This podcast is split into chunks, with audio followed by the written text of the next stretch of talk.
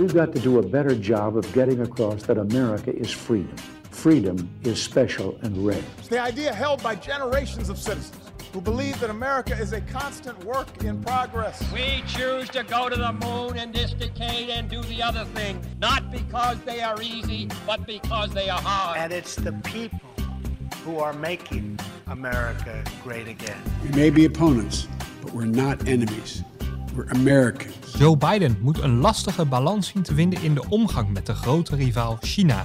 Aan de ene kant wil Biden met zoveel mogelijk bondgenoten een vuist maken tegen de Chinezen. Tegelijkertijd is hij op zoek naar een meer stabiele relatie met die andere wereldmacht. We gaan het vandaag hebben over Bidens China-doctrine en wat dat allemaal gaat betekenen voor de wereld. Mijn naam is Victor Pak en aan de andere kant van de lijn zit Emiel Kossen. Welkom Emiel. Dag Victor. We beginnen vandaag uh, met de Global Democracy Summit. Die gaat binnenkort plaatsvinden en dat is een soort digitale bijeenkomst van allerlei democratieën rond de wereld die Joe Biden organiseert. Wa waarom is deze top zo belangrijk? Het is een virtuele vergadering op, uh, op 9 en 10 december uh, met meer dan 100 landen die, die komen praten over gedeelde normen en waarden. En um, ja, Biden die heeft dit georganiseerd omdat hij wil laten zien aan de wereld dat, uh, nou ja, ten eerste de Verenigde Staten weer uh, ja, een, een, een grote diplomatieke partner zijn van, van, van deze honderd landen. Um, ten tweede om te laten zien dat de Amerikaanse democratie nog steeds hoogwaardig is, want daar zijn natuurlijk twijfels over. En ja, de eigenlijke reden, de belangrijkste reden, is om een, om een blok te smeden van, van landen die in elk geval op bepaalde vlakken gelijksgezind zijn. Ja, en dat blok moet gesmeed worden tegen landen die niet uh, democratisch gezind zijn. Maar is dat te doen op, op zo'n digitale vergadering die, die Biden dan organiseert? Stelt dit nou echt wat voor of is dit vooral een leuke PR-show? Nou het is een PR-show, het is echt een eerste stapje.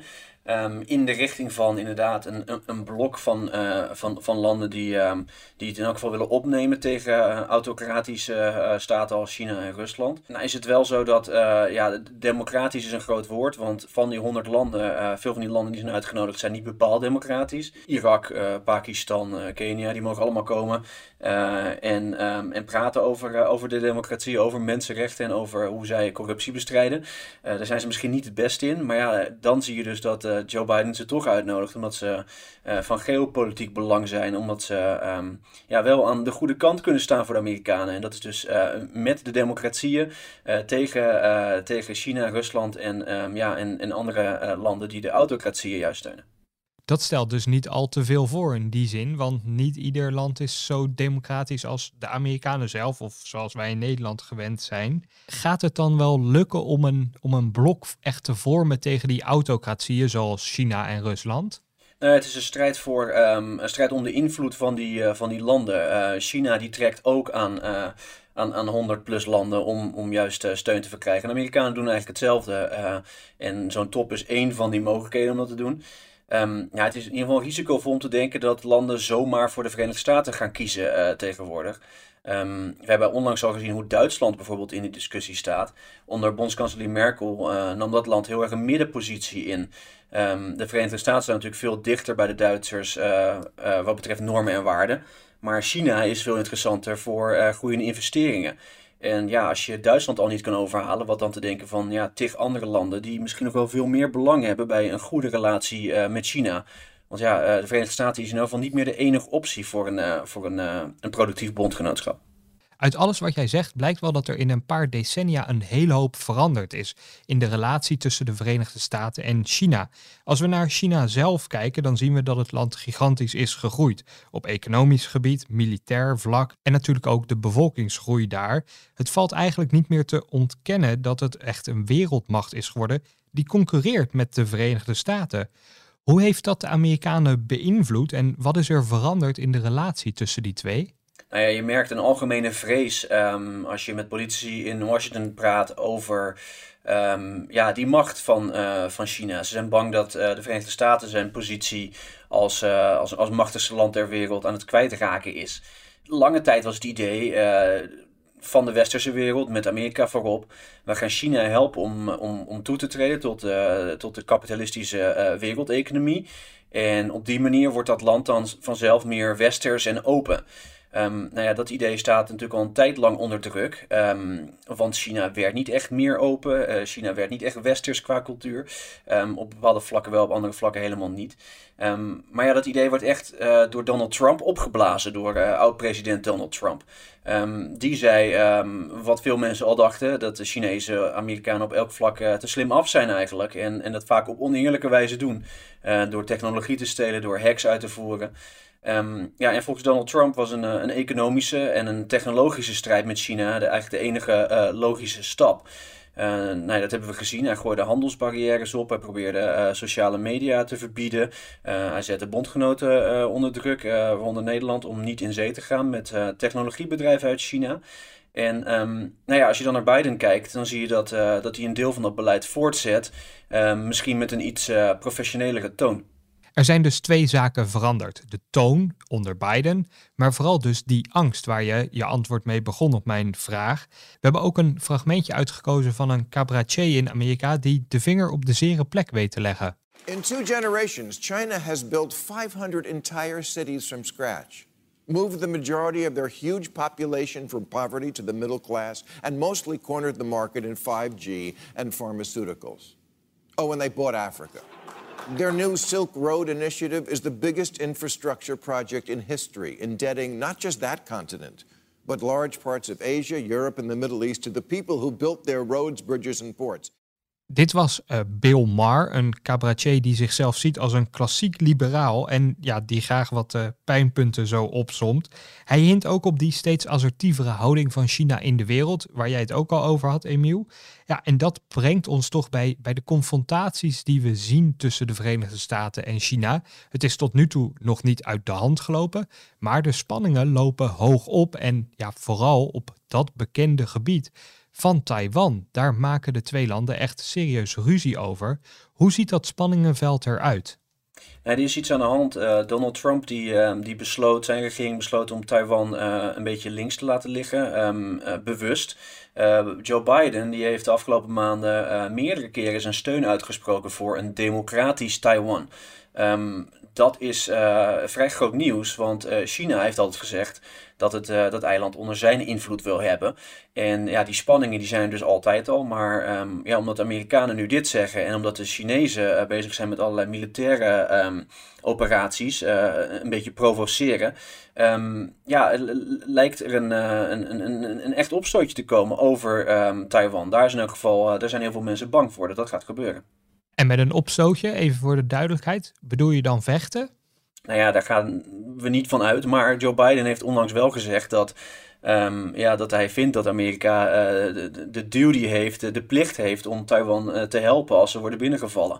Um, van die uitspraak keek de wereld nogal op. En het is niet helemaal duidelijk of Biden dat echt zo bedoelde of dat het een beetje een slip of de tang was na een debat van, uh, van een, een uur of twee op, op CNN was het geloof ik.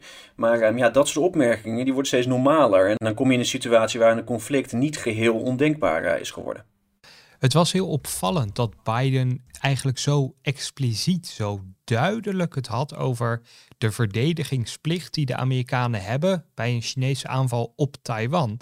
Want de Amerikanen hebben eigenlijk decennia lang de tactiek gehad om hier niks over te zeggen. Ze wilden doelbewust een schimmig zijn over hoe de Amerikanen bij dit soort situaties zouden handelen. In de hoop dat, dat China dan denkt, nou we weten niet wat Amerika doet. En stel ze, ze nemen de uiterste stap, dan doen wij maar niks uit angst daarvoor. Lijkt Biden dan nu een andere kant op te gaan met die eigenlijk decennia oude uh, Taiwan-doctrine van de, van de Verenigde Staten? De Amerikanen zien dat uh, de dreiging van China daadwerkelijk groter wordt. Dat hebben de politici in Taiwan ook heel erg door. En dus um, ja, is er de, afweging genomen um, in, in, uh, in Washington om, om China dan maar um, ja, wat strenger toe te spreken. In de hoop dat dat gaat helpen om, om ze af te schikken. Maar ja, ik, ik, durf niet te voorspellen hoor, wat er echt zou gebeuren als de Chinezen daar binnenvallen. Of, of Amerika dan echt ingrijpt. Want uiteindelijk is het een eiland, uh, een, een bondgenoot weliswaar. Maar ja, wat ik zeg, ik durf niet te voorspellen wat de Amerikanen echt zouden doen op dat moment. Ehm, dat is ook een van de redenen waarom Biden nu probeert om zo'n coalitie uh, op te starten. Hè? Waardoor, um, stel dat je honderd landen bij elkaar hebt die allemaal uh, aan de kant van Taiwan staan. Wat een van de landen was uh, die ook naar die Global Democracy Summit komt. Ja, dan wordt het dus wel weer veel moeilijker voor de Chinezen om, om zo'n stap te zetten. Dit is het grote twistpunt Taiwan tussen de Verenigde Staten en China. Maar er zijn meer twistpunten. Die gaan we niet zo uitgebreid behandelen, maar toch even benoemen. En dat is onder meer de vervolgde moslimminderheid, de Oeigoeren in China, die vermoedelijk in werkkampen massaal worden gestopt door de Chinezen. En dan is er nog ja, het voorheen onafhankelijke en ook wel democratische Hongkong, dat eigenlijk ja, is, is weggevaagd door de, door de Chinezen, alle democratische regels daar. Hoe boos zijn de Amerikanen daarom? Ja, daar hoor je een stuk minder over. Ehm, daar zijn de Amerikanen boos over, trouwens net als met de Oeigoeren, maar er is minder, um, uh, minder consternatie over. Ehm, waarom precies kan ik je niet vertellen. Uh, het is een beetje uh, selectieve verontwaardiging, maar ja, over, over Hongkong hoor je een stuk minder. Dat sluit misschien ook wel aan bij een tactiek die de Amerikaanse minister van Buitenlandse Zaken, Anthony Blinken, heeft verwoord over de Amerikaanse strategie met betrekking tot China. En die luidt: competitive where it should be, collaborative where it can be, and adversarial where it must be. Nou, die, die strijdvlakken die hebben we net benoemd, maar je kan niet overal strijd omleveren. Soms zegt Blinken, de Amerikaanse minister van Buitenlandse Zaken, moet je ook kunnen samenwerken. Op welke terreinen proberen de Amerikanen dat te doen met China? Nou ja, klimaatverandering is eigenlijk de belangrijkste. Ehm, John Kerry, ehm, de voormalige minister van Buitenlandse Zaken, die is klimaatgezant van, uh, van Joe Biden. En die is de afgelopen maanden um, eigenlijk de hele tijd in de weer met uh, Chinese hoogwaardigheidsbekleders. En ja, onlangs sloten de twee landen ook een, een verdrag waarin uh, China en Amerika in elk geval zeggen dat ze van zin zijn om uh, maatregelen te nemen tegen een opwarmende aarde. Um, om CO2-uitstoot uh, te verminderen. Maar um, over wat precies ja, maatregelen zouden zijn om dat samen te, te bewerkstelligen, dat weten we nog niet helemaal. Maar ja, het is in elk geval iets van een teken van, um, van goodwill tussen de twee landen. En dat kwam ook ter sprake toen Biden twee weken geleden een aantal weken geleden met uh, Xi Jinping voor het eerst uh, video, video belden. Toen werd ook gezegd, oké, we kunnen in elk geval op klimaat kunnen we met elkaar, um, kunnen we elkaar in de ogen kijken. En kunnen ze dan elkaar vooral ook in de ogen kijken, omdat China en de Verenigde Staten de grootste vervuilers zijn van deze aarde? Ja, het is natuurlijk een probleem uh, waar de rest van de wereld uh, naar de grote landen kijkt. Um, je hoort natuurlijk heel vaak het argument ook in Nederland: ja, waarom zouden wij van alles uh, ondernemen? Als, als China en Amerika niks doen, dan maakt het allemaal niks uit. Um, nou van die, die plicht zijn op dit moment beide landen uh, ja, zich, die, die beseffen dat. Um, Xi Jinping wil niet dat zijn land verslaafd uh, wordt aan steenkool. Dat is niet handig op de lange termijn. Um, en Joe Biden is een president die klimaatverandering heel serieus neemt. Dus ja, wat dat betreft um, is er wel dat, verantwoordelijkheidsgevoel. En misschien dat dat genoeg is om ook daadwerkelijk tot, ja, tot serieuze samenwerking te leiden. Nou, dat is dan een positief punt na na het negatieve van die strijd. En dan is er nog een puntje dat, dat een beetje ertussenin hangt. En dat is wat Blinken noemt die, die competitie opzoeken. Ja, waar zijn de twee landen dan concurrenten? Ik denk meteen aan handel, maar de ene keer is daar serieuze samenwerking voor mogelijk. De andere keer is dat toch, gaat dat toch meer richting die strijd. Denk maar aan de handelstarieven van Trump. Hoe ziet dat vlak er nu precies uit? Ja, dat is eigenlijk het punt. Hè. Handel, ehm, daarvan verschilt uh, uh, deze uh, rivaliteit enorm van de Koude Oorlog. Toen had je twee blokken die helemaal niks met elkaar te maken hadden. Um, nu heb je twee economieën die ja, heel innig verbonden zijn met elkaar.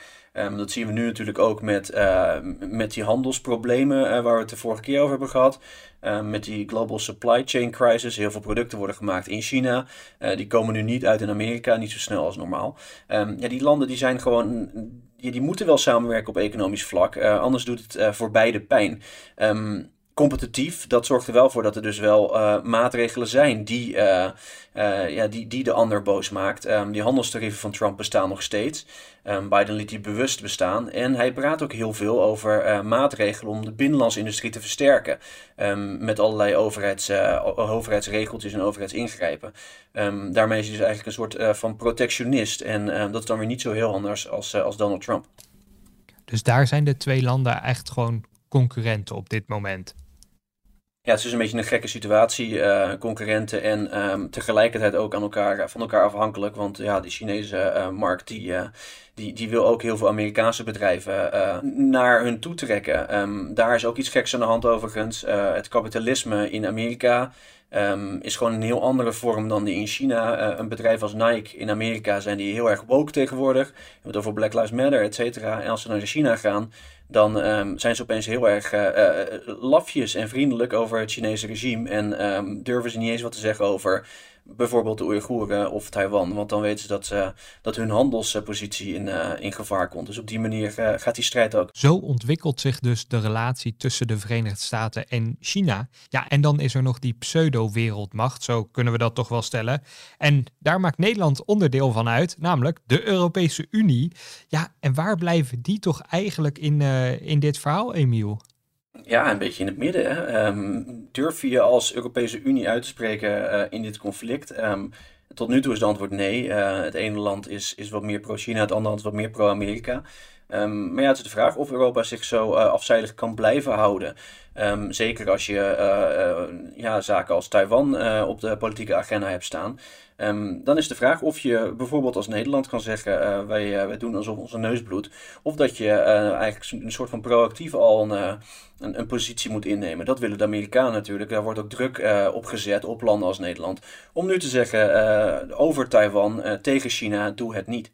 In de EW van deze week staat veel meer over Taiwan en de Nederlandse positie wat betreft het eiland. En Nederland is niet het enige Europese land natuurlijk dat een positie rondom Taiwan moet innemen. Dat moeten alle Europese landen voor zich bepalen.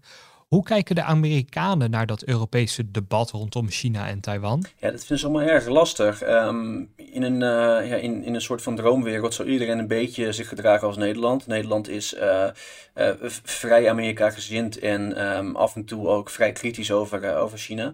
Maar als je naar de rest van de Europese Unie kijkt, dan, ja, dan zie je een heel spectrum aan aan houdingen eigenlijk. Um, je hebt in het, in het oosten van Europa heb je landen die eigenlijk heel erg China gezind zijn op dit moment. Onder meer omdat daar heel erg wordt geïnvesteerd in infrastructuur met Chinees geld. Um, dat maakt het heel lastig voor de Amerikanen. Die weten niet zo goed hoe ze, hoe ze um, ja, eh, al die landen gaan overhalen. Want ja, naar Brussel gaan om de Europese Unie te beïnvloeden, dat, uh, dat gaat niet genoeg zijn. Uh, omdat je dan altijd nog landen als Servië hebt die denken van ja, daar hebben wij helemaal geen zin in. Of als Hongarije, um, die gewoon hun eigen lijn trekken. Dus ja, dat blijft een, dat blijft een, een getouwtrek. Um, trouwens, om even terug te keren op die Global Democracy Summit. Servië is dan weer wel uitgenodigd. Hongarije niet. Dat zit blijkbaar zo ver in het kamp van China dat, uh, dat de Biden-regering denkt van, nou ja, die, uh, die hoeven we niet eens uit te nodigen naar die, uh, naar die virtuele top. Volgens Amerika heeft Hongarije dan dus te veel voor, voor China gekozen, om het maar zo te zeggen. Hebben de Amerikanen dan te weinig te bieden voor Europese landen zoals Hongarije? Nou ja, daar is nog wel een, dat is nog wel een puntje. Um, je kan natuurlijk zeggen als Europees land, uh, wij vinden normen en waarden zo belangrijk. Um, wij steunen de Amerikanen. Um, maar goed, die, uh, die economische steun die is ook heel belangrijk voor veel landen. En als je goed luistert naar Biden, hoor je hem heel protectionistische dingen zeggen. Um, in plaats van te handelen met China, wil hij eigenlijk um, de binnenlandse industrie versterken met allerlei vakbondsbanen en uh, allerlei overheidssteun. Hij had ook kunnen zeggen: wij gaan meer handel uh, drijven met, uh, met landen in Oost-Europa. ja, dat doet hij niet. En dat kan eigenlijk, daarmee geeft hij eigenlijk een, een heel belangrijk pressiemiddel uit handen. en daar profiteren de Chinezen van, want die gaan wel naar iemand als Viktor Orban toe en die zeggen: Nou ja, wij leggen wel een paar, een, een, een paar treinstations voor aan. Um, en daar heeft Biden um, ja, uh, op, op dit moment niet echt een antwoord op. Zo blijft het bij landen een politiek gevoelige kwestie waar realpolitiek ook nog wel eens boven komt drijven. We zullen dat ook gaan zien op de democratietop waar we deze podcast mee begonnen. En dan gaan we nu in deze podcast verder met een nieuwe rubriek. Is the biggest non-secret in politics. This is a huge story. It's transforming the country and everyone is ignoring it. Here's a look quickly at what we know so far. De Holland-Amerika-lijn Most Valuable Person in DC.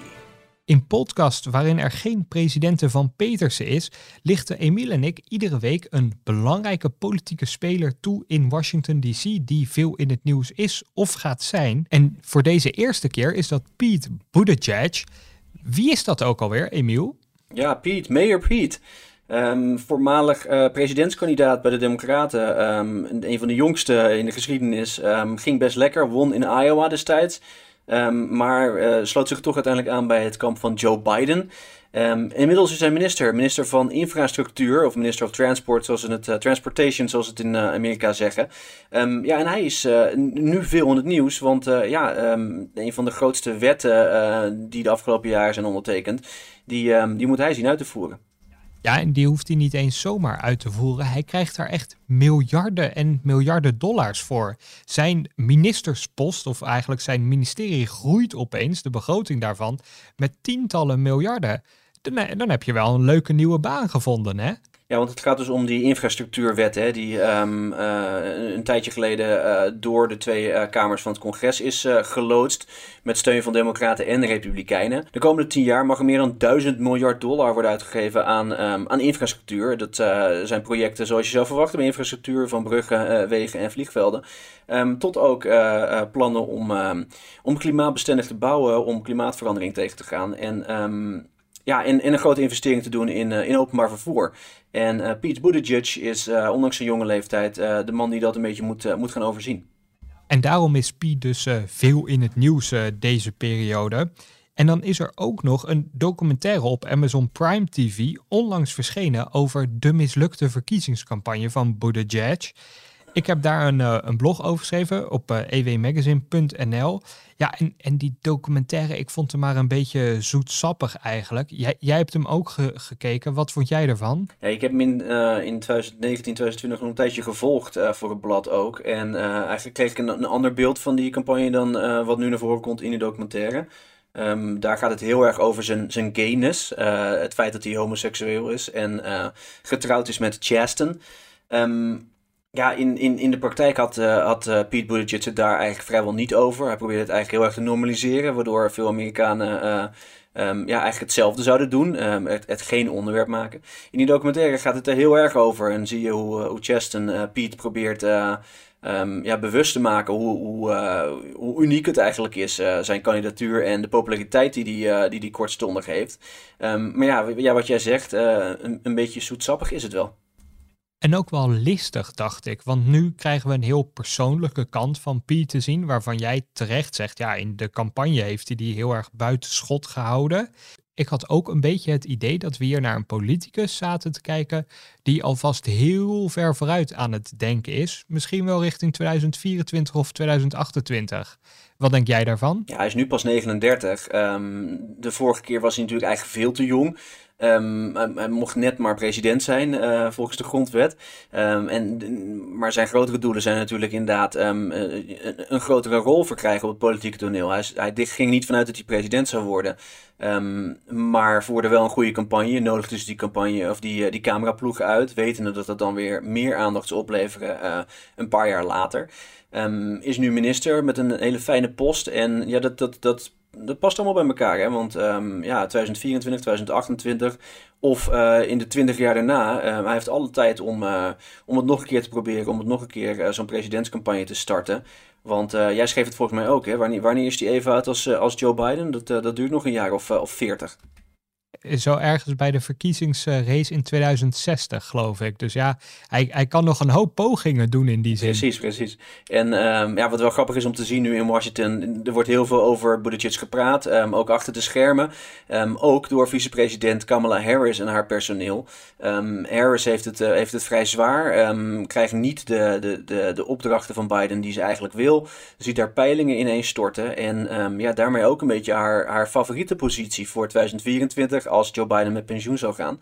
Um, daar komen dus nog extra zorgen bij over Pete Buttigieg, die, um, die eigenlijk alleen maar uh, successen achter zijn naam uh, ziet op dit moment. En um, ja, ze zijn dus een beetje bang voor uh, dat, dat, dat Buttigieg uiteindelijk de favoriet gaat zijn in 2024 en niet Kamala Harris. Nou, wie weet kunnen we een volgende keer Kamala Harris wel als uh, most valuable person of DC uh, eh, doen. Maar ja, dan moet ze wel een keer een succes gaan boeken. Voor nu was dit de Holland-Amerika-lijn. Vergeet u niet te abonneren op het kanaal van EW. Dan kunt u ook eens luisteren naar andere podcasts, bijvoorbeeld Brussel over de Brusselse politiek, waarin u zult horen wie daar de Brusselaar van de week is. Hartelijk dank voor het luisteren en graag tot de volgende keer.